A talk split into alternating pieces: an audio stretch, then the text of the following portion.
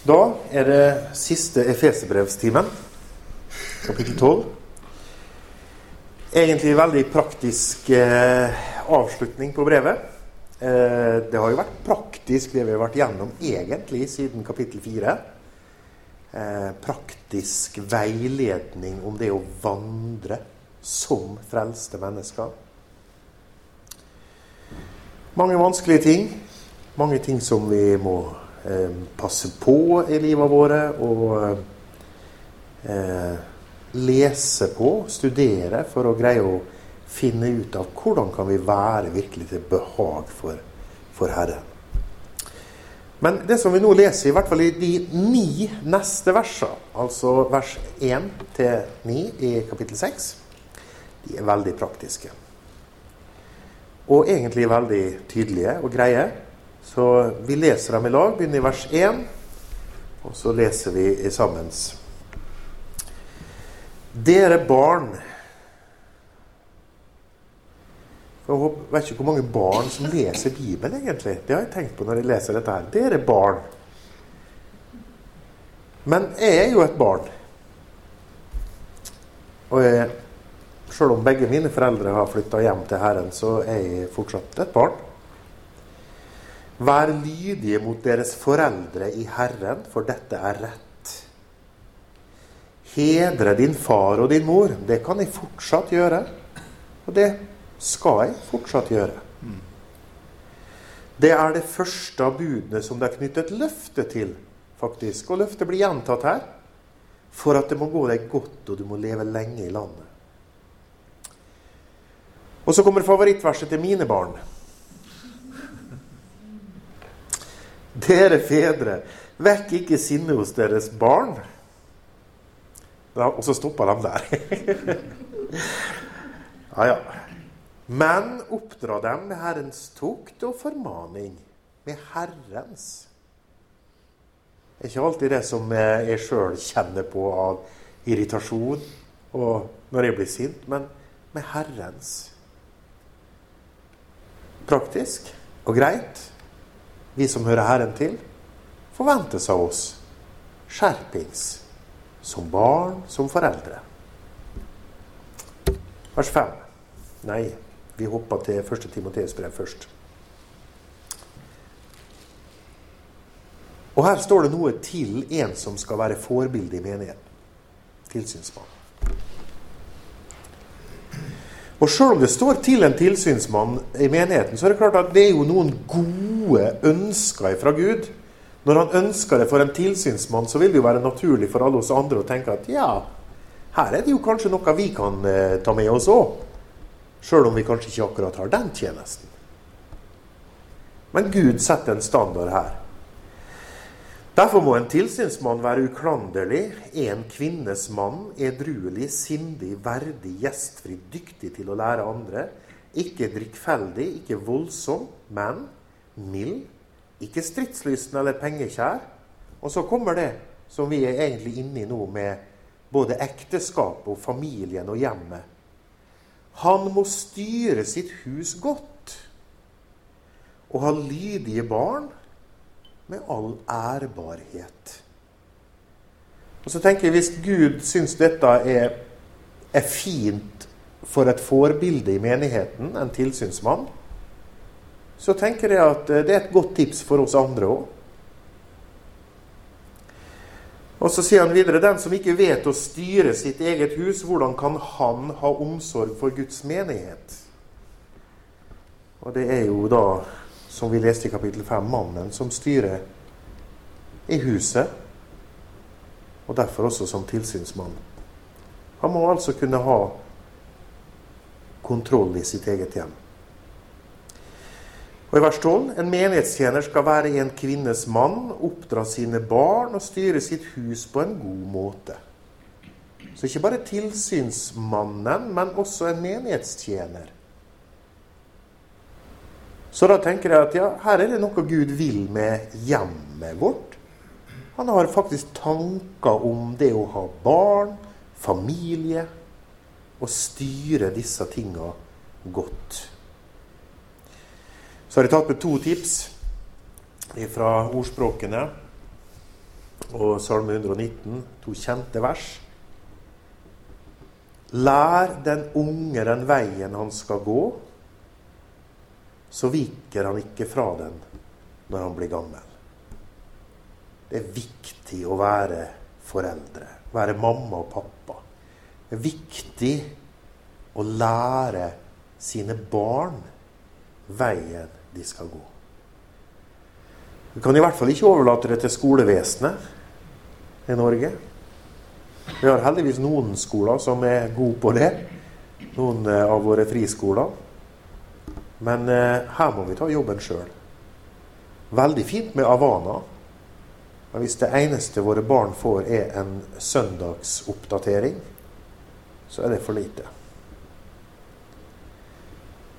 Så her er noen tips til det å være foreldre og bygge en familie. Hvordan skal en unge holde sin sti ren? Jo, ved å holde seg etter ditt ord. Da er vi avhengig av at vi snakker litt om Jesus hver eneste dag rundt middagsbordet og til kveldsbønna kanskje. Og at Jesus er en, et familiemedlem. Lever sammen med oss.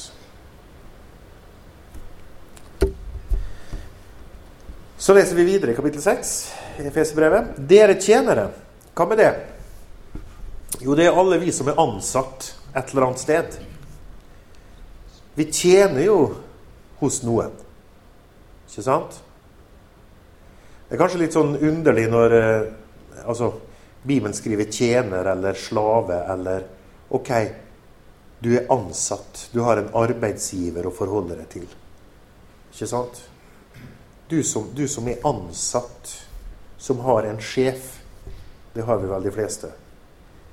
Vær lydige mot deres jordiske herrer.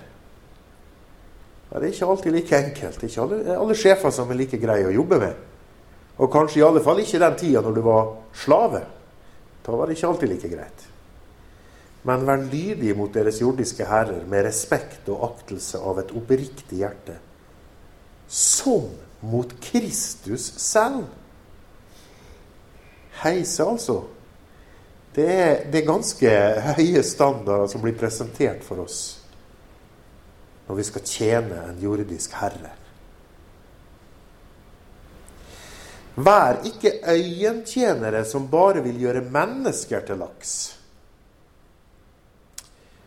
Så det betyr altså om du sitter på hjemmekontor, eller du har et, eh, et eh, flott kontor du kan lukke igjen døra til, så er det én som alltid ser hva du jobber med. Det er Herren. Ikke være øyentjener og altså bare, bare arbeide for at andre skal se ditt arbeid. Men være en som eh, gjør Guds vilje av hjertet som Kristi tjenere på en arbeidsplass. Tenk på det.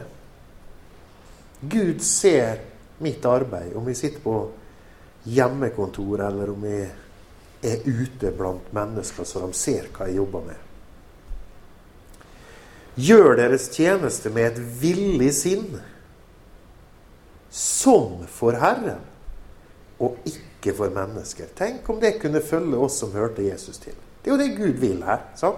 Han setter en standard for oss. Tenk om vi som var kristne, kunne være sånn på alle arbeidsplasser, vi som er som kristne. Hæ? At jobben vi gjorde, var som om vi gjorde jobben for Gud.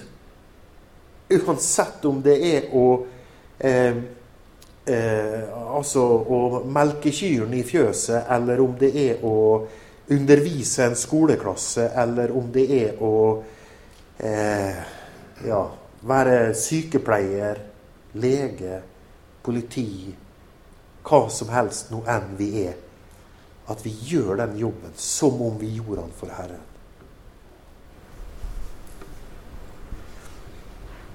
Jeg tror nok Gud har tanker om hva dette kunne gjøre med menneskene rundt oss hvis vi var slik. Vi har noe å strekke oss etter.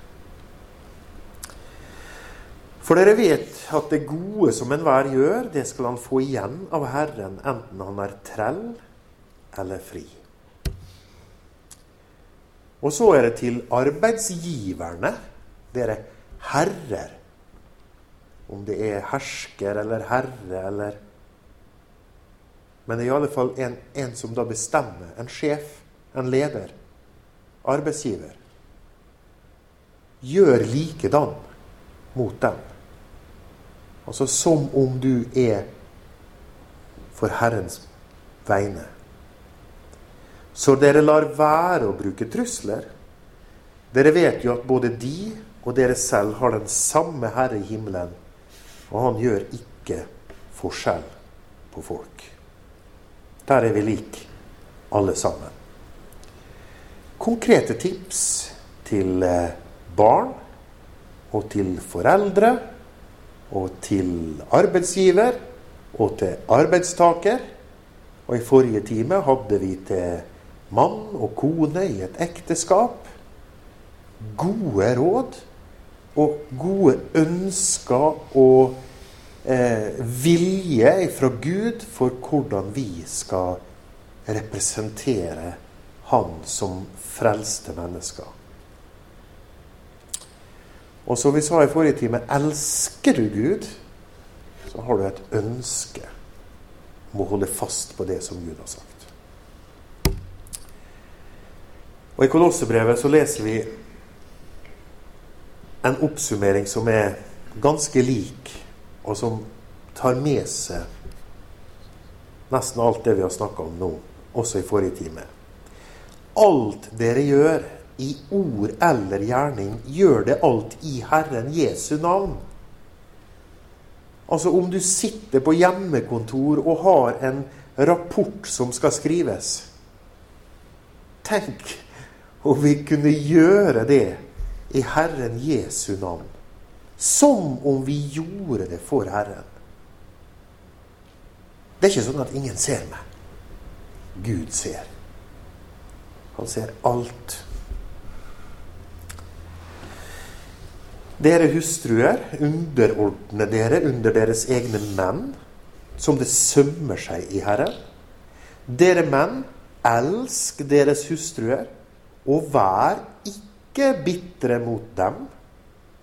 Dere barn, vær lydige mot deres foreldre i alle ting, for det er til behag for Herren. Og dere fedre, gjør ikke barna deres bitre, slik at de mister motet. Og vers 22. Dere tjenere, igjen, hvis du er en arbeidstaker, vær lydige mot deres jordiske herrer i alle ting. Ikke med øyentjeneste for å gjøre mennesker til laks. Men det er jo sånn du får høyere lønn eller opprykk, er det ikke det? Hvis du er en øyentjener, sant? at alle andre, i hvert fall sjefen, får se hva du holder på med. Da blir det lønnsøkning, ikke sant? Men Gud presenterer liksom til oss en, en helt omvendt innstilling til alt vi gjør. I ekteskapet, som fedre, som arbeidsgiver, som arbeidstaker. Å gjøre det av et oppriktig hjerte i ærefrykt for Herren. Det dere gjør, gjør det av hjertet som for Herren, og ikke for mennesker. Om du er bonde eller brannmann eller lærer eller politi eller ingeniør eller Gjør det for Herren. Dere herrer, vi må jo da til kapittel fire her for å få med det verset. Gjør det som er rett og rimelig. Gjør det som rett og rimelig er mot deres tjenere. For dere vet at også dere har en herre i himlene. Er du sjef, er du leder, er du arbeidsgiver, så må du ikke tro at du er uten den samme Gud som ser alt du foretar deg. Praktisk, ikke sant? Nå hadde jeg tenkt å bare gi dere litt sånn personlig liste som jeg har for min egen del. Og den lista er det er liksom prioriteringslista i livet mitt. Så kan det hende at du har ei helt annen liste, men jeg tror noen kanskje tenker litt annerledes, og så hadde jeg bare lyst til å presentere hvordan, hvordan jeg tenker med min liste når jeg leser Guds ord. Øverst på min prioriteringsliste så kommer mitt personlige forhold til Gud. Det, det, er liksom det, er det viktigste for meg. Jeg må ha mitt navn i livets bok. Det er jo ingenting som er viktigere for meg. Det er mitt forhold til Gud. Det må jeg alltid sørge for er godt. Den neste Siden jeg er gift, så er det også sånn jeg forstår Guds ord når jeg leser det. Den neste på min liste, det er min ektefelle. Uansett hva som raser sammen som skjer rundt meg i verden, så er altså min ektefelle en som skal prioriteres så høyt på lista. Og så vil du kanskje si ja, men eh, tjenesten da i menigheten, er ikke, det, er ikke det liksom det viktigste av alt? Å tjene Gud i menigheten? Og det er kanskje her jeg har lyst til å gjøre et poeng at jeg tjener Gud ved å ha min ektefelle på denne plassen.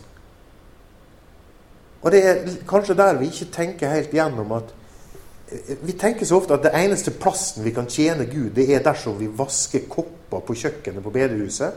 Eller det liksom Det må skje på bedehuset for at det skal være en tjeneste for Gud.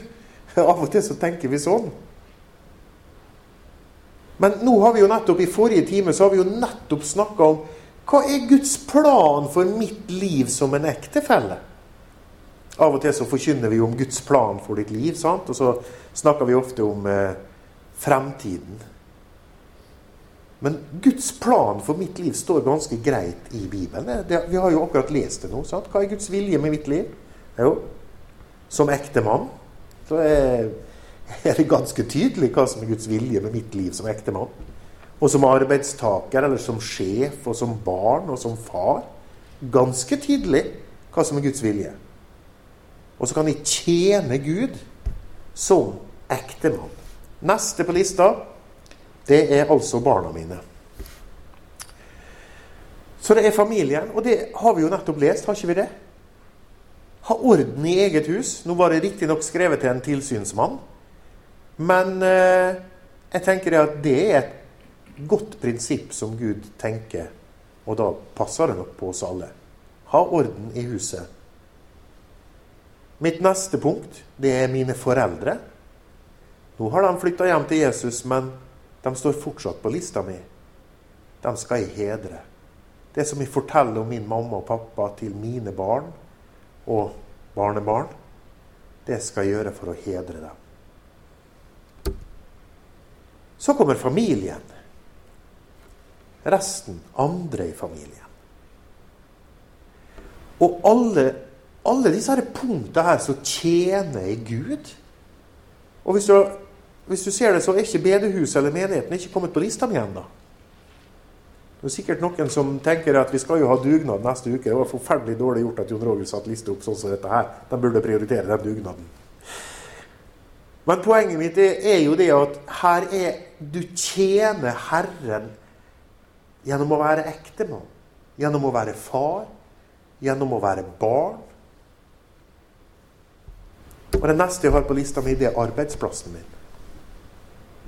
Jeg må prioritere min arbeidsgiver. Altså Sjøl om jeg har lov til å ha en bibeltime her i Straume forum på onsdag, og så sier min arbeidsgiver at Jon Roger, nå må du reise dit og dit, for der er det en kunde som vil kjøpe. Ja, da prioriterer jeg min arbeidsgiver. Jeg gjør det. Så jeg ringer til Erik og sier beklager, men det, det gikk ikke den onsdagen der. Og hva har vi lest nå om å tjene Herren? Jo, vi tjener jo Herren på arbeidsplassen nå. Vi tjener Herren som arbeidsgiver eller som arbeidstaker. Gud ser det vi holder på med, og tjenesten burde være som om vi jobber for Gud sjøl. Har Gud en plan med mitt liv? Ja visst har han det. Masse konkrete ting. Masse konkrete planer. Der, vet du, kom dugnaden på bedehuset. Jeg prøver virkelig å bruke ganske mye av min fritid til å forkynne Guds ord og, og reise rundt og, og, bruke tid på å sitte litt i styre og stell og sånt. Og det gjør sikkert du òg. Gå på dugnad og hjelpe til å få denne, her, denne her lokale, praktiske menigheten vår til å fungere. Og vi er jo nødt til å ha det på prioriteringslista òg. Og så er det kanskje mange som syns det er rart at Oi, du satte så langt ned på lista. Men poenget mitt er egentlig at du gjør en gudstjeneste i, i alle disse andre områdene i livet òg. Som ektefelle og som eh, foreldre og barn og på arbeidsplassen. I familien. Det er en tjeneste for Herren så tenker vi ofte det at ja, skal vi tjene Herren, da må vi enten bli misjonærer, eller så må vi bort på bedehuset og stable stoler. Det skal vi òg gjøre. Så kommer vennene mine faktisk under, eh, under dem der. Og så kommer hobbyene mine til slutt. Om sommeren er det litt vanskelig å sette hobbyene helt der nede, altså, for jeg er så glad i eh, båt.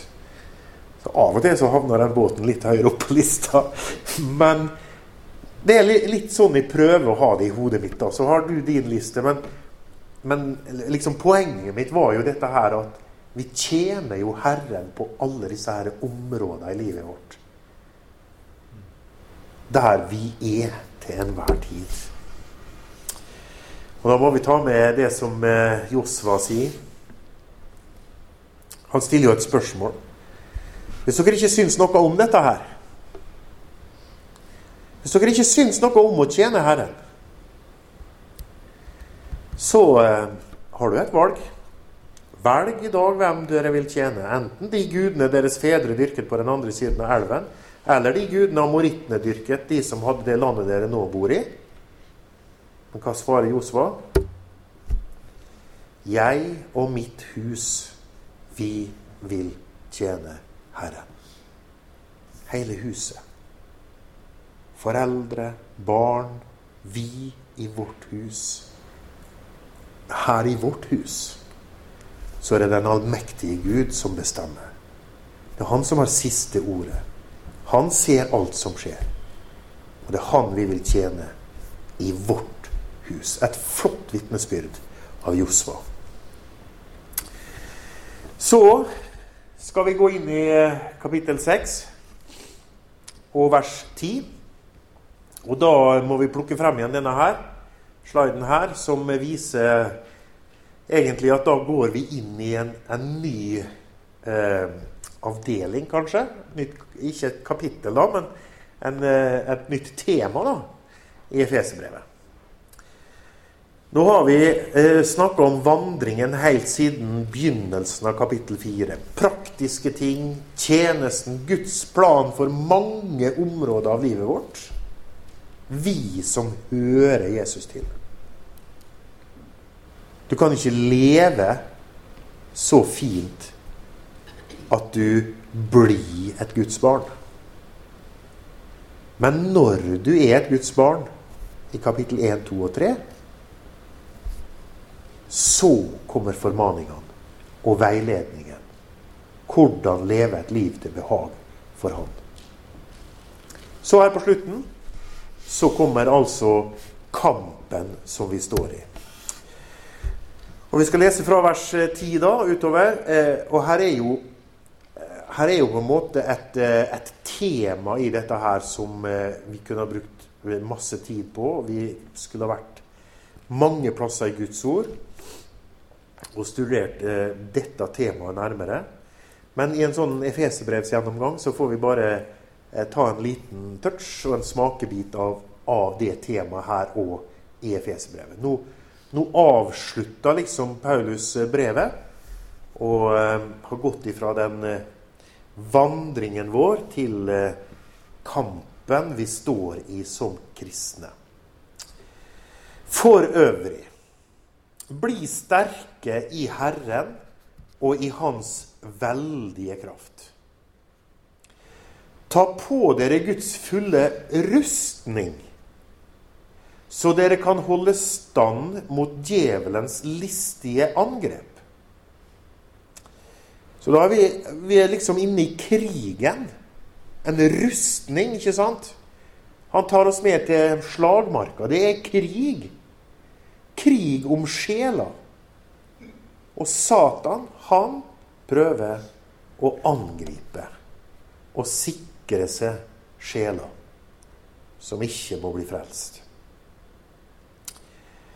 Ta på dere Guds fulle rustning, så dere kan holde stand mot djevelens listige angrep. For vi har ikke kamp mot kjøtt og blod. Av og til så kan det virke sånn blant oss kristne at eh, det er noen som kjemper mot kjøtt og blod. Eh, men kampen ligger altså på et annet plan.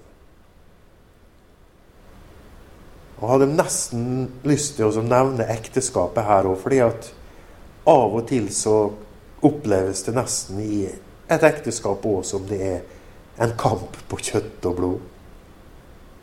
Men så kan det faktisk være at eh, det nettopp er maktene og myndighetene, at det er Satan som er på banen for også å ødelegge ekteskapene våre, for å forstyrre det som vi har i våre ekteskap. Så vi har ikke kamp mot kjøtt og blod. Det er, altså, det er ingen vits i å, å, å drive en, en, fysisk kamp. Men mot maktene, mot myndighetene, mot verdens herskere i dette mørket, mot ondskapens ånde her i himmelrommet. Så her er en ondskapens ånde her. Satan og hans engler, demoner, de befinner seg i himmelrommet. Denne verdens hersker, han vil ikke noe annet enn å ødelegge. Ødelegge for Guds plan. Og han vil ødelegge vår vandring, slik at vi blir dårlige representanter for Herren.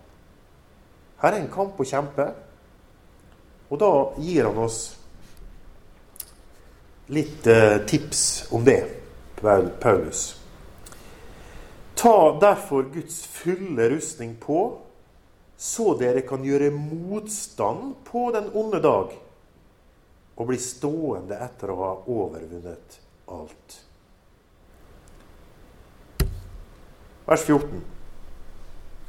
Og da kommer rustningen. Og det her kjenner du sikkert til. Stå da ombundet med sannhetens belte om livet. Vær iført rettferdighetens brynje. Ha som sko på føttene den beredskap som fredens evangelium gir. Grip fremfor alt troens skjold, som dere kan slukke alle den ondes brennende piler med. Ta frelsens hjelm og åndens sverd, som er Guds ord. Og På den neste sliden da, så har jeg prøvd å eh, bare finne fram en rustning. Det er jo faktisk krig. Altså, Rustningen brukes jo i krig, så det er jo det han, eh, han henviser til. Frelsens hjelm til beskyttelse for tanken vår.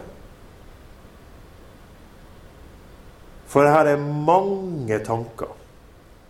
Her er mange teorier, filosofier, barnelærdommer og grunnprinsipper som Bibelen snakker om. Som vi ikke må la få påvirke vår tanke rettferdighetens brynje, altså eh, beskyttelse for kanskje det viktigste området, hjertet vårt. La Jesu Kristi rettferdighet leve altså så i oss at her kan ikke djevelen ta det ifra oss. Vit at du er rettferdiggjort sannhetens belte. Ja, sannheten finner vi i denne boka her. Det er det her vi finner den. Jesus, han er veien, sannheten og livet. Og Guds ord er sannhet. Så der må vi binde opp om oss med belte. Troens skjold kunne slukke alle de brennende pilene som kommer ifra djevelen. Troen på Guds ord. Troen på det Jesus har gjort for oss. Tror du det er sant? Tror du det gjelder? Frelsesverket? Hvordan vokser troen? Hvordan kommer troen? Jo, den kommer ved forkynnelsen av Kristi ord. Kommer også ved å bruke tid i denne boka. Så skjoldet, det vokser, det. Det blir altså et kraftig skjold. Troens skjold. Og så har vi noe å angripe med åndens sverd. Det gjorde Jesus når eh, Satan kom og frista ham i ørkenen. Så brukte Jesus åndens sverd. Han sa ikke bare Han vifta ikke bare Satan eh, av gårde. Det kunne kanskje Jesus ha gjort som Gud. Men Jesus siterte 5. Mosebok tre ganger. Han brukte åndens sverd. Guds eget ord. Så siterte han 5. Mosebok. Tredje gangen så måtte Satan dra. Og fredens evangeliums sko Vi skal ikke bare stå i ro her, da. Men vi må jo jobbe for å få dette her evangeliet, denne kjærlighetshistoria ut, som vi snakka om i forrige time. Fredens evangeliums sko. Og så kommer det i vers 18 Altså, hvordan skal vi bli sterke i Herren og Hans veldige kraft? Hvordan skal vi kjempe kampen mot åndsmakta i himmelrommet? Ta på Guds fulle rustning, alle disse detaljene som der er nevnt. Og så vers 18. Be til enhver tid i ånden, med all bønn og påkallelse. Du i din ånd kan snakke med Gud i himmelen til enhver tid. Samme hvor du er hen. Om du sitter i kø i bilen mens de bygger nytt Sotra-samband. Det er bare å prate med Gud. Du kan be i ånden med Han. Du har fellesskap med Gud i ånden. Med all bønn og påkallelse. Og så sier han det, er jo ikke bare sånn at, det, at det på en måte når vi får et innfall om å be, så kan det være lurt å be. Eller når vi blir minna om å be, så kan det være lurt å be. Eller når vi kjente en overveldende følelse om at nå skal vi be. Men vær årvåkne. Det er en jobb, folkens. Fordi det er jo en kamp, ikke sant? Det er en kamp som utkjempes i himmelrommet.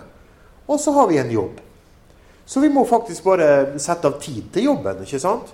Når jeg går på min jobb, så møter jeg opp til et tidspunkt, og så jobber jeg, og så er jeg ferdig på et tidspunkt. Og, og, og, og sånn er det med bønna òg. Det er jo en jobb. Og det er ikke alltid jobben er sånn eh, kjempegøy heller. Sant? Samme hva jobb vi har, det, så er det jo alt, av og til noen oppgaver som ikke er så veldig gøy. Men jobben må gjøres. Og det er ingen andre enn vi som hører Herren til, som kan gjøre denne jobben heller. Kanskje har vi vært litt dårlige de siste åra. Det oppleves litt sånn rundt oss at Satan får litt mer tak om mange ting. Så vær årvåkne i dette med all utholdenhet. Ja, altså, Det her er jeg så dårlig på at det er, det er nesten sånn at det er vanskelig å lese for min egen del. Jeg tror kanskje, kanskje noe av det jeg syns er vanskeligst, det er virkelig å sette av tid. Nå skal jeg gjøre et arbeid, og det er å be. Finne fram bønnelista, gå gjennom de tinga jeg har lovt andre jeg skal be for, og virkelig bruke tid til å be om alle de ting som Gud har fortalt oss vi skal be om. Han har bedt oss om å be for Jerusalem, for landet sitt, for regjering, myndigheter, Han har bedt oss om å be for de hellige, for menigheten, de som står i ledelse. Det er mange, mange ting han har bedt oss om å be for. Og så har vi de som ligger oss på hjertet også. Så her er en jobb, altså. Og um, jeg skal være den første til å si at jeg er ikke god på denne jobben. Her skulle vi altså satt av mer tid og vært utholdende i bønn. Og så kommer han jo med et ønske. da. Eh, Paulus ber om forbønn for sin egen del. Og det kan jo være en oppmuntring for oss alle. Vi er ikke veldig flinke å be om forbønn. jeg vet ikke. Når sist ba du om forbønn? Fra noen kristne venner eller i et møte? Paulus hadde bruk for det. Paulus hadde bruk for å be om forbønn. Da kan det hende at vi har det av og til òg, ikke sant? Kanskje skulle vi være flinkere til det, så hadde vi, så hadde vi eh, fått til dette her med å be mer òg. Be også for meg at det må bli gitt meg ord når jeg åpner min munn, så jeg med frimodighet kan kunngjøre evangeliets hemmelighet eller mysterium. For det er jeg sendebud i lenker. Slik kan jeg være frimodig i ham og tale som jeg bør. Så her har du fått et tips til til bønnelista. Å be nettopp for de som åpner sin munn, og som jobber i tjenesten for å forkynne Herrens ord tydelig, rent og klart, sånn som det står. Be for de som er misjonærer, at de må være frimodige. Så her er det altså en kamp som foregår i himmelrommet Det er veldig, veldig rart for meg å tenke på denne kampen. I hvert fall for meg som er sånn her eh, Jeg må nesten tenke på å si følelsesløs. Jeg er ikke det, men, men jeg, liksom, jeg registrerer så lite. Jeg bare sånn Alt går på det jevne for min del. Og, og, og veldig realistisk. sant? Eh, ingeniør og full pakke. Det er liksom alltid sånn veldig firkanta for min del. Eh, og så tenker jeg på det at det faktisk foregår en åndskamp i himmelrommet rundt oss til enhver tid. Og det er det vi her får beskjed om. At det er den kampen vi står i. Og han har pålagt oss arbeidsplikt. Kom igjen, folkens, du som hører Jesus til. Vær utholdende i bønnen. Det er det han sier. For det er en kamp som pågår. Vers 21. For at dere også skal få vite hvordan jeg har det, og hva jeg gjør, så skal Tykikus fortelle dere alt. Han er vår kjære bror og en trofast Herrens tjener, som jeg sender til dere, nettopp for at dere skal få vite hvordan det står til med oss, og for at han skal oppmuntre deres hjerter. Det var jo hyggelig. I kanskje det hyggeligste, flotteste, fineste, mest oppmuntrende brevet i hele Bibelen. Efeserbrevet syns jeg er så de, de, tre første kapitlene løfter oss jo virkelig opp. Og så skal han i tillegg sende Tykikus til Efesus for at han skal bli oppmuntra. Oppmuntra for å få vite hvordan det står til med, med Paulus og tjenesten hans. Kanskje fordi de ba mye for Paulus. Jeg veit ikke. Men eh, i hvert fall en fin avslutning her på dette brevet. Og de to siste versene Fred være med brødrene og kjærlighet med tro fra Gud Fader og Herren Jesus Kristus. Nåden være med alle dem som elsker Herren Jesus Kristus i uforgjengelighet.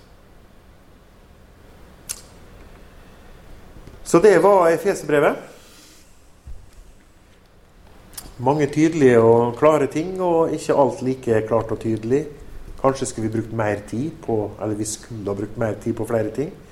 Men eh, jeg tror vi har fått en liten, en liten, sånn oversikt i hvert fall over det brevet i sammen. Kjære Jesus, jeg har lyst til å be til deg litt til slutt her om at du må eh, velsigne det som eh, er rett og sant, det som vi har lest ifra ditt ord. Og så må du eh, oppmuntre hver enkelt til å gå hjem og sjekke i, i Bibelen om det stemmer, det som er blitt fortalt. Det er kun ditt ord som er sannhet. Hva enhver pastor og prest og Jon Roger og noen andre stiller seg fram og sier, det er, det er menneskeord. Så hjelp oss til å forholde oss til ditt ord, også i Efeserbrevet, som vi nå har vært gjennom. Jeg ber spesielt om hjelp til å vandre verdig og være til behag for det, far. Jeg er nok et barn som eh, som du av og til rister på hodet over. Det er ikke alle barn som er like lette å oppdra. Og jeg føler meg ofte som et sånt barn. Som ikke er sånn som, eh, som du forventer av en som hører det til. Både i ekteskapet og som far. Mange feilskjær. Jeg ber om hjelp, far, til eh, til å vandre til behag for det. Og om vi kunne være en som formidla din kjærlighet. Formidla ditt budskap, ditt ord, gjennom livet. Og så ber jeg virkelig om hjelp til å, til å arbeide i bønn. Altså at det er et arbeid å be. Jesus jeg har så lett for oss å sitte og vente på at de skal liksom eh, Jeg vet ikke Få ånden over meg, eller eh, få følelsen, eller få den rette stemningen, eller eh, Hjelp meg til å innse at dette her er en jobb. Å be. En kamp som vi må stå i, vi som hører det til. Hjelp meg til å gå til den jobben, kanskje på et bestemt klokkeslett, og så gjøre den jobben og be som du har sagt. Jeg, synes, jeg tror kanskje det er et av de viktigste tingene vi, vi trenger hjelp til, vi som hører det til Jesus. Og, og sette mer tid til å be til det. Eh, hver for oss i våre lønnkammer. Og kanskje kunne vi ha, ha fått bønnemøtene våre til å bli de mest populære møtene. Det hadde helt sikkert gjort noe med både menigheten og omgivelsene. Jeg takker og priser Jesus for at frelsen er fullkommen i ditt eh, blod og i ditt Golgata-verk. Takker deg for de tre første kapitlene her i Efesebrevet, som løfter oss opp til en arverett og et barnekår og en evighet sammen med det. Takk for at vi kan få leve i det Hjelp oss i vandringen, og støtt oss i kampen. Amen.